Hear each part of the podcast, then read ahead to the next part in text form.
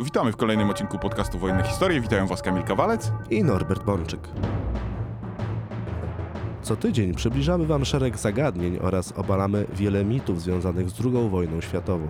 Nasze odcinki powstają na bazie własnych, długoletnich badań naukowych, wertowania tysięcy stron zarchiwizowanych meldunków wojskowych, wreszcie publikowania książek i artykułów.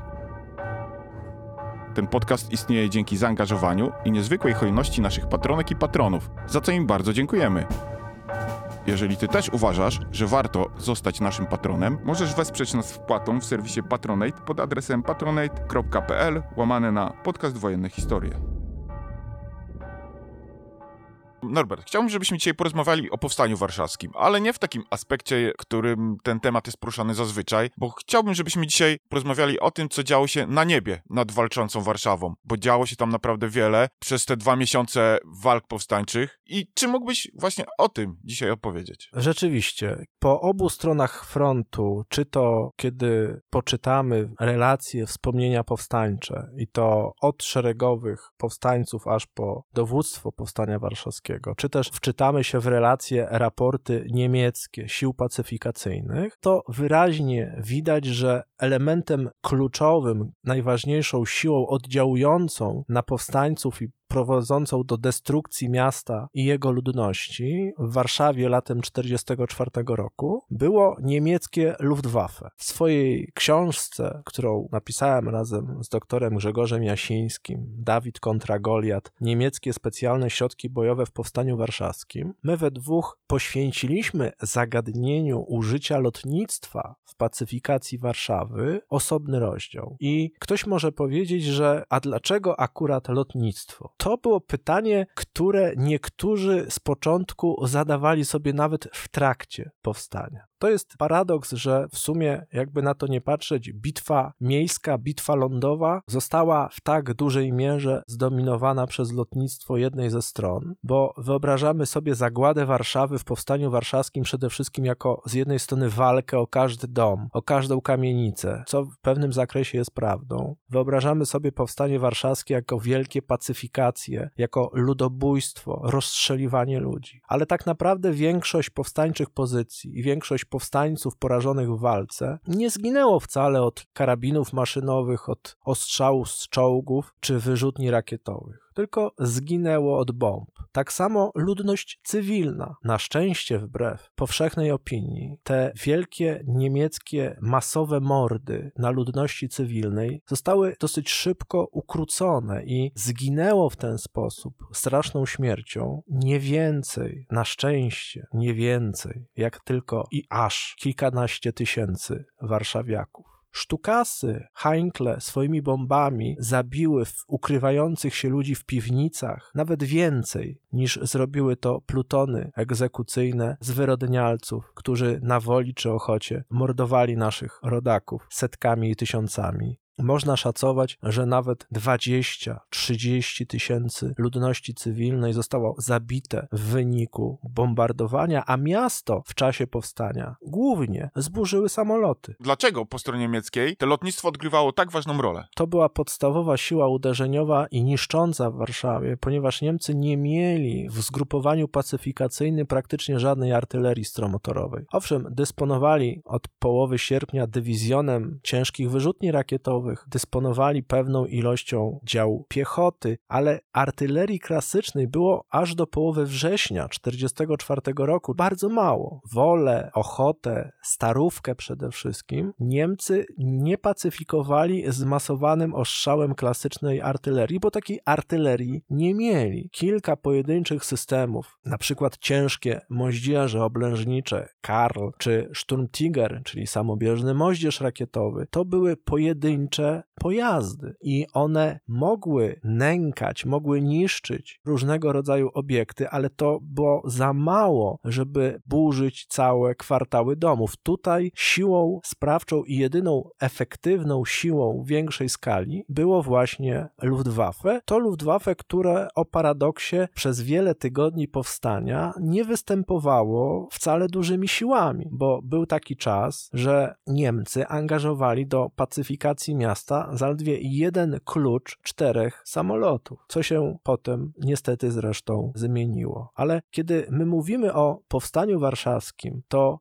pokutuje w społeczeństwie, powszechnie się spotyka to. Można o tym poczytać, można o tym usłyszeć. Przekonanie, że Luftwaffe było całkowicie bezkarne, że wszyscy, a przede wszystkim Armia Czerwona, odwrócili się od Warszawy i te niemieckie powolne sztukasy mogły dokonywać dzieła zniszczenia. To jest jeden z mitów związanych z powstaniem warszawskim. To zatem, jakie niemieckie siły zostały rzucone przeciwko Warszawie? Warszawa latem 1944 roku znajdowała się w obszarze operacyjnym 6 Floty Powietrznej, którą dowodził generał pułkownik von Greim. I nie mieliśmy szczęścia wtedy. Powstanie warszawskie to nie jest wydarzenie dla nas szczęśliwe. I w tym całym łańcuchu nieszczęśliwych zdarzeń jednym z ogniw było to, że akurat latem 1944 roku w Polsce Niemcy mieli potężne lotnictwo bojowe. Dysponowali siłami, które mogli skutecznie użyć i na froncie, i przeciwko nam. Już nad Rzeszą nie dawali radę. We Francji ponosili klęskę. Na wielu obszarach ich lotnictwo było słabe. A tutaj pech. Szósta flota powietrzna była po prostu najsilniejszą, jeśli chodzi o lotnictwo uderzeniowe ze wszystkich niemieckich armii lotniczych w owym czasie. I myśmy niestety doświadczyli tego bardzo boleśnie. Jednocześnie Warszawa czy Polska znajdowały się relatywnie daleko baz lotnictwa alianckiego, czyli tego lotnictwa, które mogłoby najbardziej chcieć pomóc polskim patriotom walczącym w Warszawie. Tylko, że lotnictwo amerykańskie, brytyjskie czy nasze działające w ramach RAF-u bazowały w odległej Wielkiej Brytanii czy w południowych Włoszech, co powodowało, że możliwość zaopatrywania drogą powietrzną powstańców była czysto iluzoryczna. W komendzie Głównej Armii Krajowej zresztą nie do końca przyjmowano to nawet do wiadomości. W planowaniu powstania warszawskiego kwestie lotnicze były wbrew pozorom bardzo ważne, bo my i chcieliśmy zdobyć lotniska Okęcie i Bielany, co zakończyło się masakrą atakujących te obiekty oddziałów konspiracyjnych, ale jednocześnie bardzo liczyliśmy na pomoc powietrzną, bo Armia Krajowa nie miała broni, nie miała zwartych, dobrze przeszkolonych jednostek. W związku z czym, gdy tylko wybuchło powstanie warszawskie, z Warszawy popłynął komunikat z żądaniem pomocy. Zrzućcie polską brygadę spadochronową znajdującą się w Wielkiej Brytanii, która stworzono ją i szkolono właśnie po to, żeby w wypadku powstania powszechnego na terenie Polski alianckie samoloty zrzuciły ją w ojczyźnie celem wsparcia powstania. Ale czy była szansa na jakiekolwiek takie działanie ze strony aliantów? To było całkowicie nierealne. Można było wysłać samolot transportowy w nocnej misji w ramach operacji Most, bo były takie operacje, że samoloty alianckie lądowały na terenach okupowanej Polski, ale to były pojedyncze operacje specjalne. Natomiast nie można było w bezpieczny sposób przetransportować samolotami transportowymi brygady spadochronowej do Warszawy, bo to było technicznie niewykonalne w tym sensie, że te samoloty były zbyt wolne i zbyt słabo chronione, zbyt słabej konstrukcji, zbyt słabo uzbrojone w wymiarze obronnym, by móc tego bezpiecznie dokonać. Teoretycznie można byłoby rozważać kwestię transportu spadochroniarzy bombowcami, ale to również był złożony proces i tego nikt nie praktykował. W każdym razie już w roku 1943 do Warszawy zaczęły przychodzić komunikaty, że nie należy liczyć na użycie brygady spadochronowej w kraju, że to prawdopodobnie będzie niemożliwe, ale kiedy wybuchło powstanie i kiedy dowództwo Armii Krajowej w Warszawie zorientowało się, że powstanie zakończyło się klęską już 1 sierpnia 1944 roku, to jednak w akcie desperacji proszono o pomoc, jakąkolwiek pomoc, w tym w postaci zrzutu brygady spadochronowej. Tego się nigdy nie doczekano, to technicznie było również wielce problematyczne. Ale kiedy wybuchło powstanie, w Warszawie okazało się, że nie jest ono uzgodnione z aliantami zachodnimi i nie ma żadnego planu operacyjnego wykorzystania lotnictwa alianckiego, żeby pomóc powstaniu, że nikt właściwie tego nie zaplanował. I powstała dyskusja, jak w ogóle można lotniczo pomóc Warszawie. I myśmy mieli we Włoszech 1586 polską eskadrę do zadań specjalnych. Wyposażoną właśnie w samoloty bombowe, strategiczne, takie jak Halifax czy Lancaster. Te samoloty wykonywały misje specjalne, rzucały zaopatrzenie innymi na terytorium okupowanej Polski. Ale pierwsza operacja zrzutowa nad Warszawę w nocy z 4 na 5 sierpnia 1944 roku była w dużej mierze operacją nielegalną, dlatego że samoloty miały zrzucać zaopatrzenie dla partyzantów na obszarach odludnych, gdzie nie było dużej koncentracji obrony przeciwlotniczej i myśliwców wroga. Natomiast zbliżanie się do wielkiego miasta było proszeniem się o kłopoty, w związku z czym to tylko spowodowało jeszcze dodatkowe zamieszanie i awanturę, czasowe wstrzymanie lotów zaopatrzeniowych dla powstania. Ale to już była sprawa polityczna, więc potem w miarę szybko Churchill zgodził się na to, aby polska eskadra, eskadry południowoafrykańskie czy eskadry brytyjskie latały jednak z pomocą dla powstania. Ale to była kropla w morzu potrzeb. Kiedy my mówimy o lotniczych aspektach powstania warszawskiego, to jak pójdziemy do muzeum, czy będziemy czytać książki, zauważymy, że ta pomoc aliantów zachodnich, czy ten wysiłek i naszej 1586 eskadry, czy tych dywizjonów południowoafrykańskich, czy tych dywizjonów brytyjskich, on jest wysuwany na pierwszy plan. Podczas gdy statystycznie aktywność takiego lotnictwa w Wielkiej Bitwie o Warszawie było najmniejsza. To znaczy w sierpniu 1944 roku samoloty bombowe w roli transportowych, czy to Halifaxy, Lancastery, czy Liberatory, wykonały w kierunku Warszawy 170 samolotolotów. W, we wrześniu już tylko 52 samolotoloty i zrzuciły około 50 ton zaopatrzenia. To była kropla w morzu potrzeb. Ta heroiczna, ta, można by nawet powiedzieć, w jakimś sposób bardzo barwna epopeja załóg samolotów latających z południowych Włoch do Polski nad Bałkanami i wracającymi do Włoch, ona jest efektowna, ale ona nie była efektywna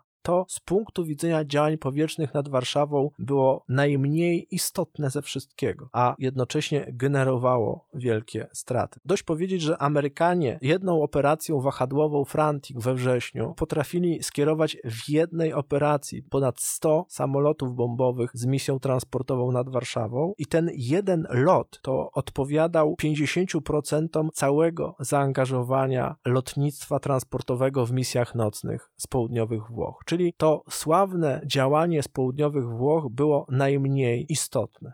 Alianci próbowali pomóc powstaniu, tak jak powiedziałem, nocnymi misjami z Brindisi oraz w ramach tzw. Tak operacji Frantic, czyli lotów wahadłowych między Wielką Brytanią bądź południowymi Włochami, a amerykańskimi bazami znajdującymi się w radzieckiej strefie operacyjnej. Przede wszystkim mówimy tu o lotnisku Połtawa na Ukrainie. Dlatego, że oprócz trasy południowej była jeszcze do dyspozycji ta trasa północna. Wielka Brytania, Niemcy, Polska, Ukraina. I w 1944 roku realizowano operację o kryptonimie Frantic. Loty wahadłowe polegające na tym, że zespół amerykańskich bombowców w osłonie myśliwców startuje z Wielkiej Brytanii bądź Włoch, w zależności czy to była 15 Armia Lotnicza, która atakowała cele w Rumunii, czy 8 Armia Lotnicza, która startując z Wielkiej Brytanii atakowała cele w Niemczech lub w Polsce, a potem leciała na Ukrainę. No w każdym razie były operacje typu Frantic już przed powstaniem warszawskim było wiadomo, że lotnictwo alianckie, to połączone siły Wielkiej Koalicji, czyli również Armia Czerwona, operują nad Polską dużymi zgrupowaniami samolotów. I nawet kiedy już powstanie warszawskie wybuchło, to przykładowo 6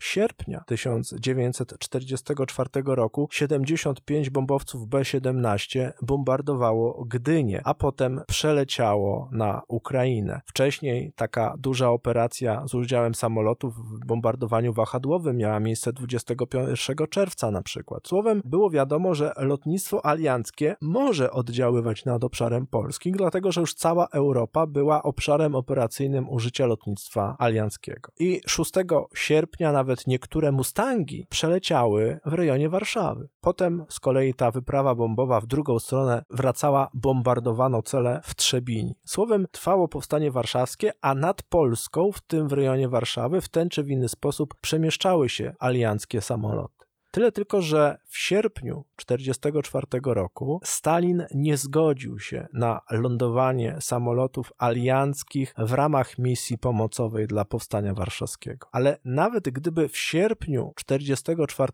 roku zgodził się, to istniała szansa przeprowadzenia może dwóch, może trzech operacji o charakterze Frantic, gdzie zamiast bomb na Gdynię, Poznań czy Trzebinie leciałyby spadochrony z zaopatrzeniem dla powstańców. Czy zatem te operacje Frantic ewentualne, nawet tak jak mówisz, jeżeli wystąpiłyby w większej liczbie niż jedna, pomogłyby powstaniu? Nie, nie pomogłyby powstaniu w sposób istotny, dlatego że jak zobaczymy wysiłek operacji Frantic 7 z 18 września 1944 roku, czy jak podliczymy te wszystkie samolotoloty w wykonaniu lotnictwa polskiego, brytyjskiego, południowoafrykańskiego, to lotnictwo aliantów wykonało 306 samolotolotów, zrzuciło 159 ton zaopatrzenia to jest kropla w morzu potrzeb. Nawet gdyby operacje Frantic odbywały się wahadłowo co dwa tygodnie, nawet co tydzień, to uwarunkowania były takie, że powstańcy bardziej od zasobników z amunicją, karabinami czy żywnością potrzebowali bomb na niemieckie pozycje. To byłoby najbardziej efektywne i wydajne wsparcie i ono było w rejonie Warszawy lotnictwem alianckim niemożliwe do zrealizowania. Nie da się bombowcami strategicznymi przeprowadzić skutecznego bombardowania miasta, które jest poprzecinane wzajemnie pozycjami dwóch stron wojsk. Nie można było użyć bombowców B-17 czy liberatorów do bombardowania Niemców w Warszawie, ponieważ ich pozycje przenikały się z pozycjami powstańczymi. A zaopatrywanie drogą powietrzną było bardzo nieefektywne, choćby ze względu na wiatry, które znosiły zasobniki na spadochronach. Szacuje się, że powstańcy odebrali nie więcej jak 25%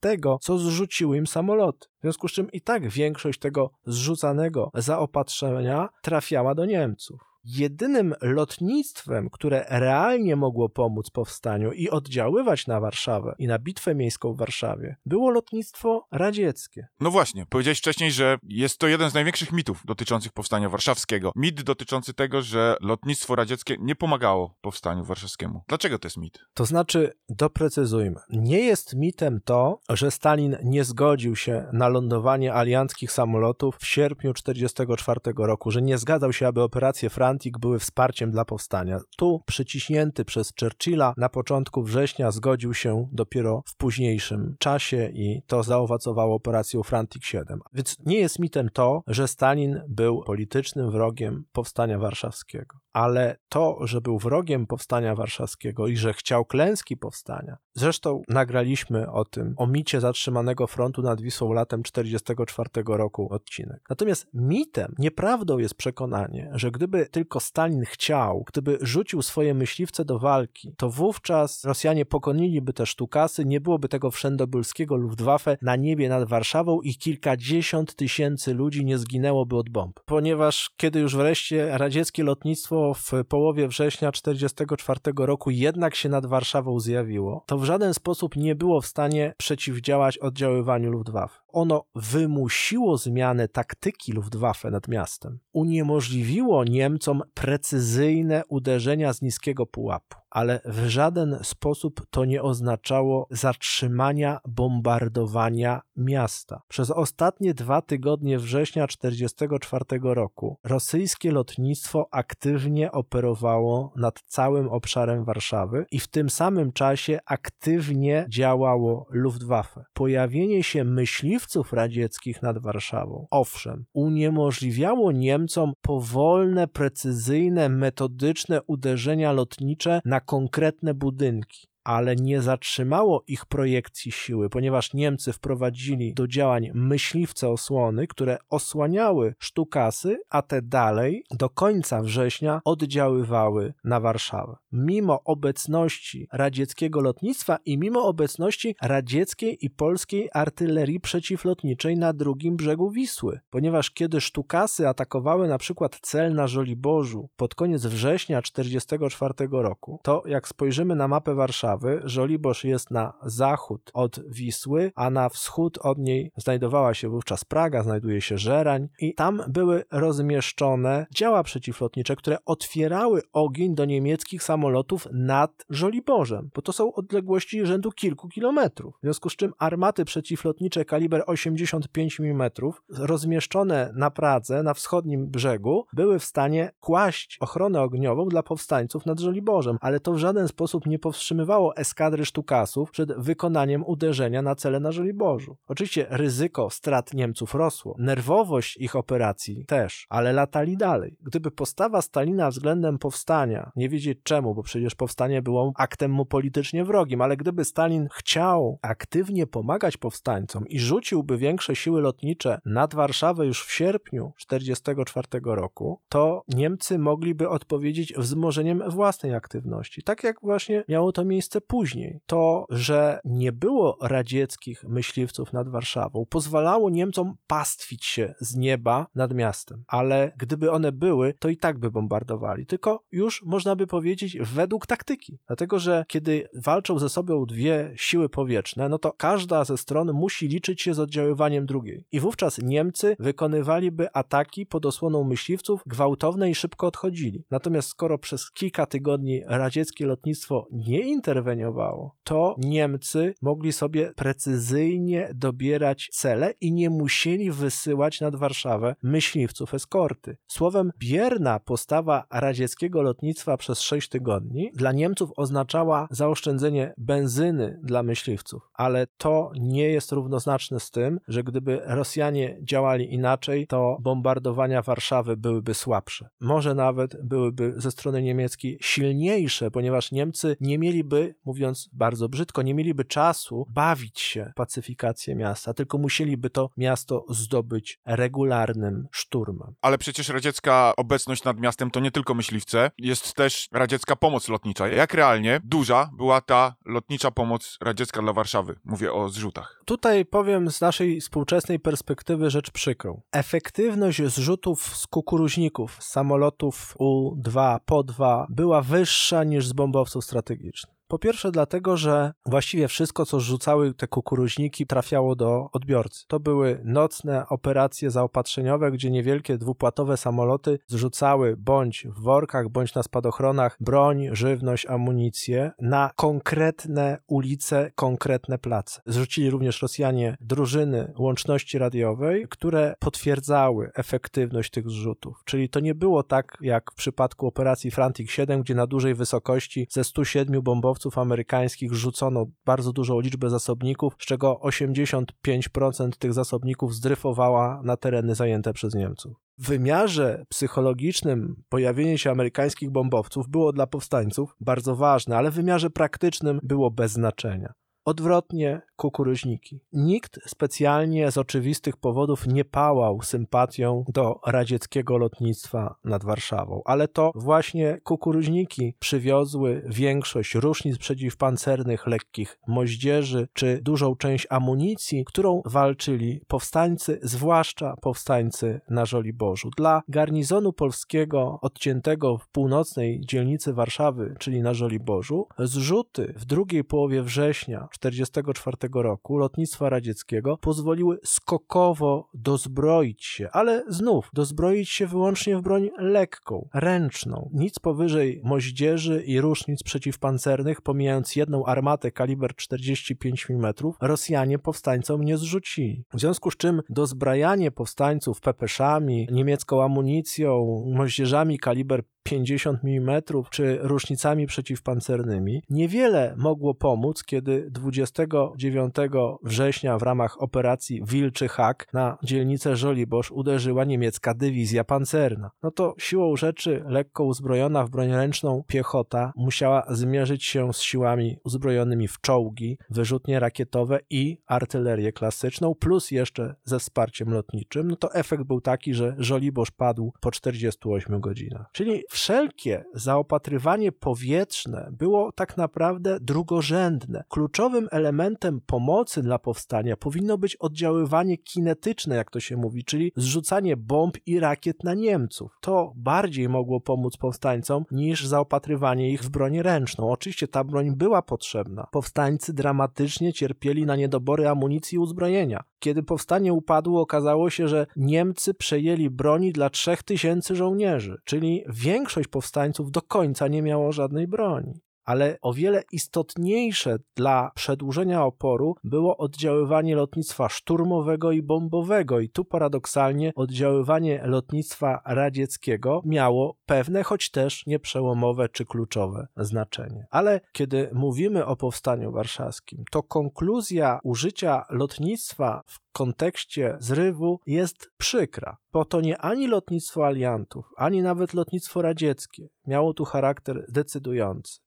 Działania lotnicze związane z powstaniem warszawskim to niestety przede wszystkim działanie Luftwaffe. Dlatego, że jak już powiedziałem, Luftwaffe była latem 1944 roku w Polsce silna i okazało tą siłę przeciwko powstaniu warszawskiemu nie tylko używając bombowców nurkujących Ju-87D, 3D5 sztuka, z które na marginesie wcale nie były już wówczas bombowcami nurkującymi, dlatego że te ataki były prowadzone z niskiego pułapu i to z dwóch powodów. Po pierwsze, z przyczyn technicznych. Część samolotów odmiany D5 nie miała już nawet hamulców aerodynamicznych, więc nie była zdolna do wykonywania ataku nurkowego z wysokości kilku kilometrów. Drugą przyczyną byli Rosjanie. Otóż Rosjanie znajdowali się relatywnie blisko Warszawy. Ich oddziały znajdowały się na obszarze Międzylesia. Dzisiaj jest to południowo-wschodnia część Warszawy. I prowadzili stałą obserwację naziemną miasta. Gdyby Niemcy chcieli dokonywać nad Warszawą klasycznych ataków nurkowych, musieliby rzucać swoje sztukasy do uderzenia z bardzo dużej wysokości i byłyby one widoczne nawet nawet wiele kilometrów od miasta. Po prostu byłoby widać nawet dla obserwatora z ziemi, że sztukasy nurkują na Warszawę. Latem 1944 roku żaden sztukas na Warszawę nie nurkował. Samoloty podchodziły na wysokości góra kilkuset metrów. Lot na niskiej wysokości miał zapewnić załogom sztukasów niewykrycie ich przez radzieckich obserwatorów na linii frontu. Stąd tak niskie latanie właściwie na wysokości dachów. No i przyczyna trzecia, na niskiej wysokości lotu bardzo dobrze widać cel. I poszczególny niemiecki pilot prowadził samolot na bardzo niskiej wysokości, bo szukał bardzo konkretnego budynku. Nie było w powstaniu warszawskim, zwłaszcza w okresie bierności lotnictwa radzieckiego, czegoś takiego jak bombardowanie przez niemieckie sztukasy czegoś na ślepo. To w takim razie jak działały niemieckie bombowce nad Warszawą? Znaczy, były trzy różne fazy działań, tak naprawdę, i możemy powiedzieć, że Luftwaffe nad Warszawą w pierwszej kolejności od oddziaływało w pierwszej dekadzie sierpnia, między 4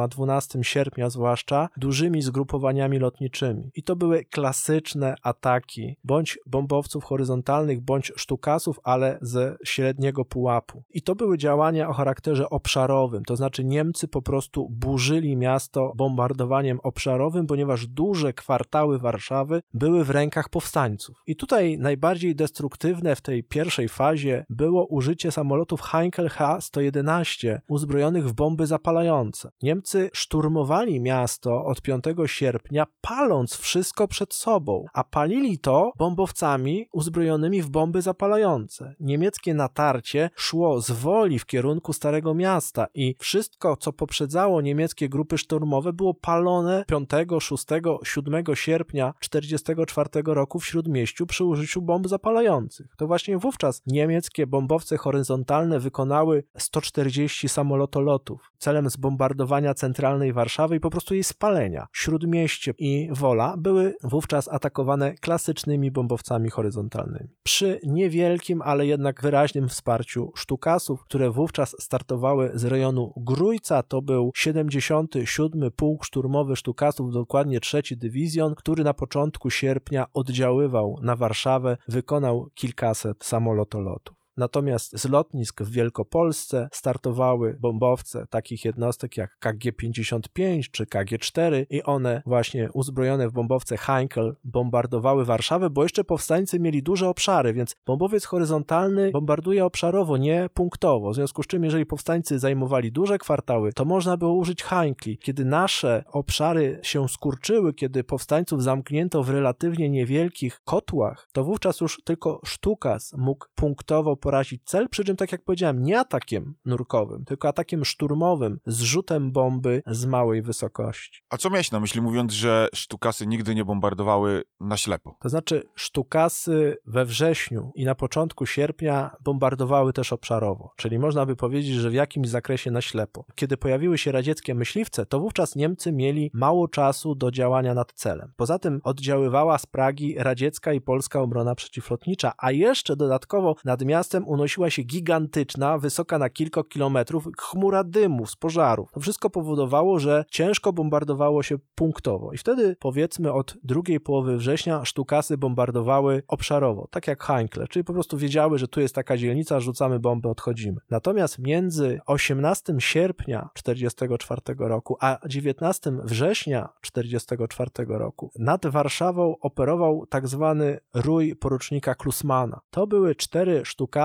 które specjalnie przybyły na warszawskie Okęcie, tu w Warszawie, właściwie wówczas pod Warszawą stacjonowały i każdego dnia wykonywały 3, 4, czasem 5 lotów bojowych na konkretny, wskazany cel. I to wyglądało tak, że dowódca klucza rano przyjeżdżał na pierwszą linię frontu, na barykadę zajętą przez Niemców i miejscowy oficer liniowy piechoty albo ktoś ze sztabu wskazywał mu, że teraz należy zniszczyć ten właśnie budynek. I on przez lornetkę oglądał ten budynek. Albo dostawał z rozpoznania informacje agenturalne, że sztab Armii Krajowej tego dnia będzie znajdował się w tej fabryce, w tej kamienicy, w tym miejscu. Albo że tu znajduje się skład amunicji, a tu znajduje się budynek, w którym powstańcy odpoczywają po walce. To były informacje agenturalne, które spływały do Niemców. Potem dostawał to dowódca klucza. On dokładnie sprawdzał na mapie miasta, gdzie znajduje się jakiś budynek, i następnie sztukasy startowały do akcji. Każdy z nich przenosił jedną ciężką bombę pod kadłubem, czasem to było uzupełnione jeszcze lżejszymi bombami, zamocowanymi do wyrzutników bombowych na skrzydłach.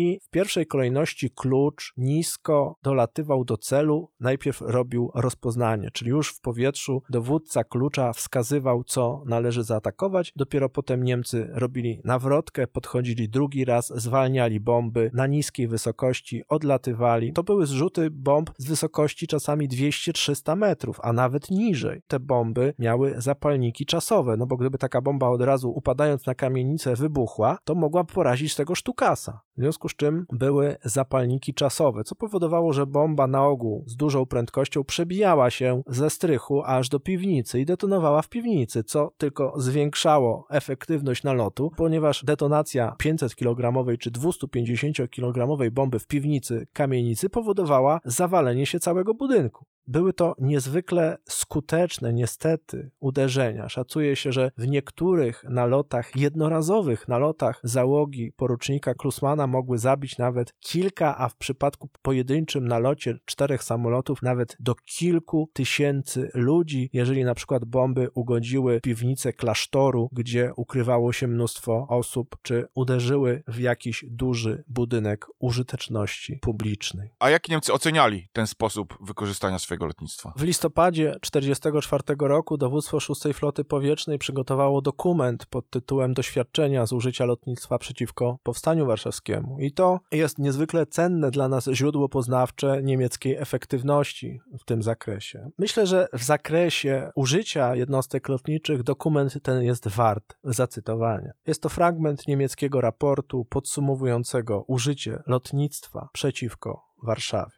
Wraz z rozwojem kontrposunięć jednostek sił lądowych i policji do już użytych i większości walczących jeszcze w obronie własnych sił szóstej floty, do wsparcia ataku jednostek bojowych pierwszej dywizji lotniczej dołączyły pojedyncze jednostki czwartego korpusu lotniczego. Te jednostki w obliczu rozbudowy gniazd oporu przez przeciwnika na kształt twierdzy i stabilnej budowy betonowej domów, a także wskutek braku odpowiednio ciężkiej artylerii stanowiły główną siłę naszego natarcia. Tu ten niemiecki raport w zakresie użycia jednostek lotniczych od razu informuje, że to właśnie lotnictwo z powodu braku odpowiedniej liczby ciężkiej artylerii stanowiło główną siłę natarcia. Ten raport wspomina dwa związki taktyczne: pierwszą dywizję lotniczą i czwarty korpus lotniczy. Niemcy właśnie te formacje użyli do powietrznej pacyfikacji Warszawy. Pierwsza dywizja lotnicza wystawiła jednostki szturmowe, czyli to były sztukasy, najpierw to był trzeci dywizjon 77 Pułku Szturmowego, potem pierwszy dywizjon pierwszego Pułku Szturmowego. Natomiast czwarty Korpus Lotniczy to był korpus, w skład którego wchodziły pułki bombowców horyzontalnych. Czwarty Korpus Lotniczy bombardował Warszawę głównie na początku sierpnia właśnie wspomnianymi bombami zapalającymi. I ze względu na warunki pogodowe, bo 1 sierpnia w Warszawie lało, Niemcy na szerszą skalę i sposób planowy używali lotnictwa począwszy dopiero od czwartego dnia powstania. To możemy zauważyć w dokumencie.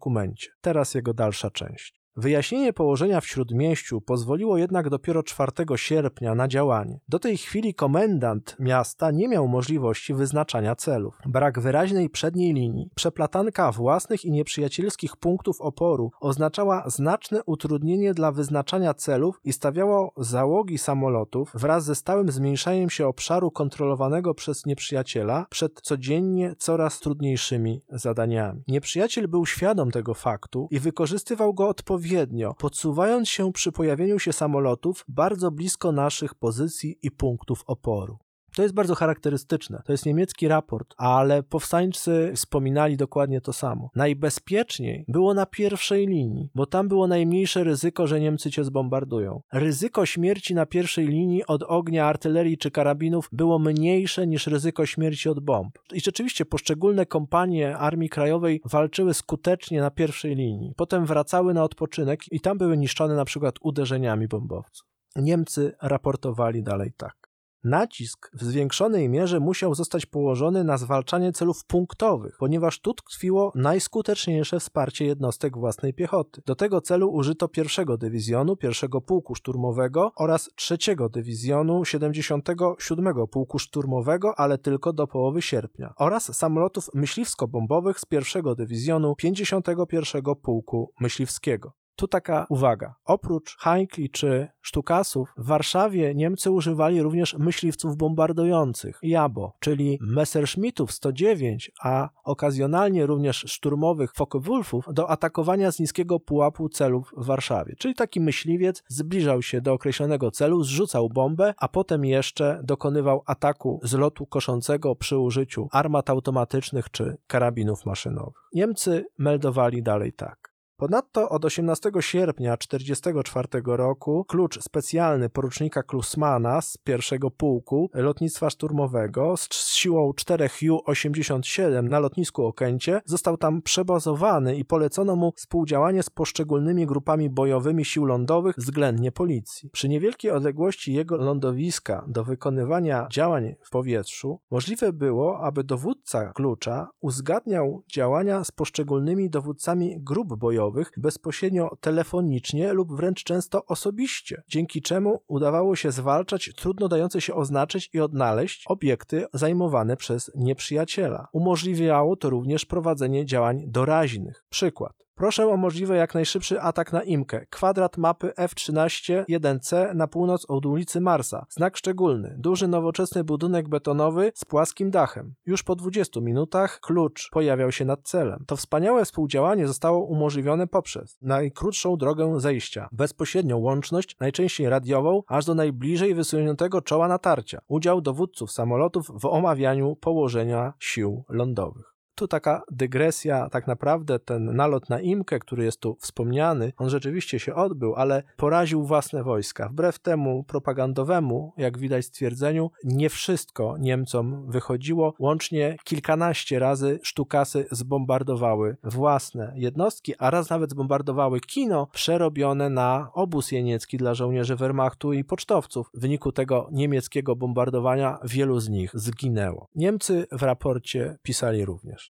Napięta sytuacja z paliwem nie pozwalała mimo bliskości frontu na żadną osłonę myśliwską. Wynikał z tego również szczególny rodzaj działań tej jednostki. Aby pozostać w znacznym stopniu w ukryciu wobec nieprzyjaciela, nie wolno było przekraczać 500-metrowej granicy ataku. Ponieważ z tej niewielkiej wysokości zwykły sposób ataku z lotu nurkowego nie jest możliwy, należało zastosować atak skośny. Dowódcy samolotów podchodzili wtedy na odległość grożącą zderzeniem z celem i zrzucali bomby z opóźnieniem zapalnika, aby wykluczyć niebezpieczeństwo uszkodzenia maszyny. Po krótkim okresie przystosowawczym uzyskano w ten sposób nadzwyczaj dobre wyniki trafień. Błędy ponad 20 metrów właściwie się nie zdarzały. Dzięki temu sposobowi atakowania było możliwe rozbijanie gniazd oporu tuż przed własnymi oddziałami. Ponieważ piloci samolotów szturmowych w wyniku niedogodnych możliwości działania dział szturmowych do strzelania na wprost lub czołgów często stanowili jedyną broń ciężką, która była w stanie pokonać przeciwnika osadzonego na kształt twierdzy, używano klucza tylko przeciwko tego rodzaju celom. Ilekroć maszyny pojawiały się nad powierzchnią celu, własna piechota znajdowała się w ukryciu gotowa do skoku i charakteryzowała cel, ostrzeliwując go amunicją sygnalizacyjną. Wraz z detonacją ostatniej bomby, zasygnalizowaną zieloną rakietą sygnalizacyjną z maszyny dowódcy, do ataku następnie przechodzili grenadierzy pod osłoną silnych dymów i pyłów.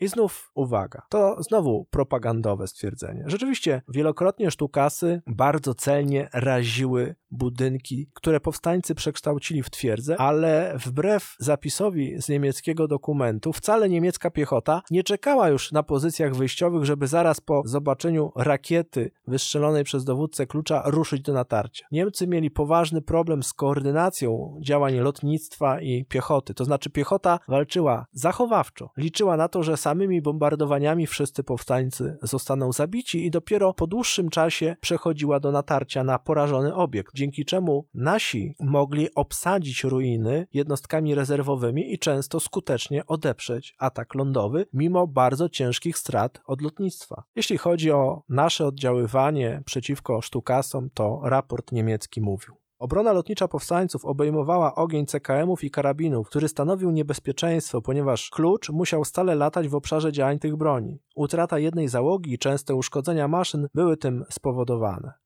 No, raz nam się udało. 23 sierpnia 1944 roku udało nam się zestrzelić jednego ze sztukasów i to rzecz bardzo charakterystyczna. Prawdopodobnie zestrzeliliśmy go wymontowanym z wraku bombowca alianckiego, który wiózł nam zaopatrzenie wielkokalibrowym karabinem maszynowym. Taka ironia losu. Właściwie między 18 sierpnia a 9 września 1944 roku ten niemiecki klucz czterech maszyn pastwił się nad całą Warszawą. Latał nisko, rzucał celnie bomby, wykonywał wiele samolotolotów, łącznie bowiem tylko grupa Klusmana przeprowadziła 204 akcje. W ramach tych 204 akcji było 711 samolotolotów. Czyli te cztery sztukasy zrobiły więcej lotów niż całe alianckie lotnictwo z pomocą dla Warszawy ale często możemy usłyszeć, że tylko te cztery sztukasy bombardowały Warszawę. Nie, Niemcy łącznie przeprowadzili samymi sztukasami na Warszawę 1408 misji, czyli ten rój, ten klucz z Okęcia to tylko lub aż połowa. Drugą połowę uderzeń na Warszawę Niemcy prowadzili z lotnisk w Grójcu, a potem w Modlinie i wtedy już atakowali całymi dywizjonami. Największe natężenie ataków lotniczych na Warszawę Miało miejsce od końca sierpnia i w pierwszej dekadzie września 1944 roku. Wówczas Niemcy do Modlina przebazowali pierwszy dywizjon pierwszego pułku szturmowego. To było ponad 30 sztukasów. I teraz już nie czterema tylko sztukasami, ale dwudziestoma, trzydziestoma naraz w pierwszej połowie września palili głównie Śródmieście, Starówkę i Powiśle. I tą wysoką aktywność w powietrzu zachowali do 17 września. Potem z przyczyn paliwowych na kilka dni przestali atakować, a w trzeciej dekadzie września znowu uderzyli całym dywizjonem. Oprócz tego przeprowadzili 68 misji bombowych przy użyciu myśliwców, czyli łącznie dokonano około 1500 ataków szturmowych, licząc każdy samolot osobno, na Warszawę, a bombowce horyzontalne przeprowadziły 130 samolotolotów. Niemcy zrzucili na Warszawę w czasie powstania warszawskiego 1580 ton bomb. To jest ekwiwalent wielkiego, potężnego nalotu ponad tysiąca amerykańskich bombowców strategicznych, jednego oczywiście, w jeden dzień, wykonanego na jakieś niemieckie miasto. Jest jednak olbrzymia różnica pomiędzy nalotem nawet i tysiąca B-17 na miasto, kiedy te bomby sypią się z wysokości kilku kilometrów. To jest nalot obszarowy. Coś trafi, coś nie trafi. Bomby zostaną rzucone na niewłaściwy cel, wiatr zniesie część ładunku. W przypadku Warszawy latem 1944 roku było niestety inaczej. Te ponad 700 samolotolotów z Okęcia, każdy z tych samolotolotów oznaczał wylot nieprzyjacielskiego samolotu, który leciał zbombardować konkretny cel. To były uderzenia precyzyjne. Luftwaffe dokonało nad Warszawą ponad 700 precyzyjnych uderzeń bombowych. I owszem, czasem trafili w kino i zabili stu własnych żołnierzy, którzy byli naszymi jeńcami. Czasem trafili komendę policji, gdzie siedzieli Niemcy, ale jednak w absolutna większość tych trafień to były trafienia w nas. I kiedy powstanie warszawskie upadło, to generał Bur Komorowski stwierdził, że w wymiarze oddziaływania wroga największym problemem było Luftwaffe. I dowódca wojsk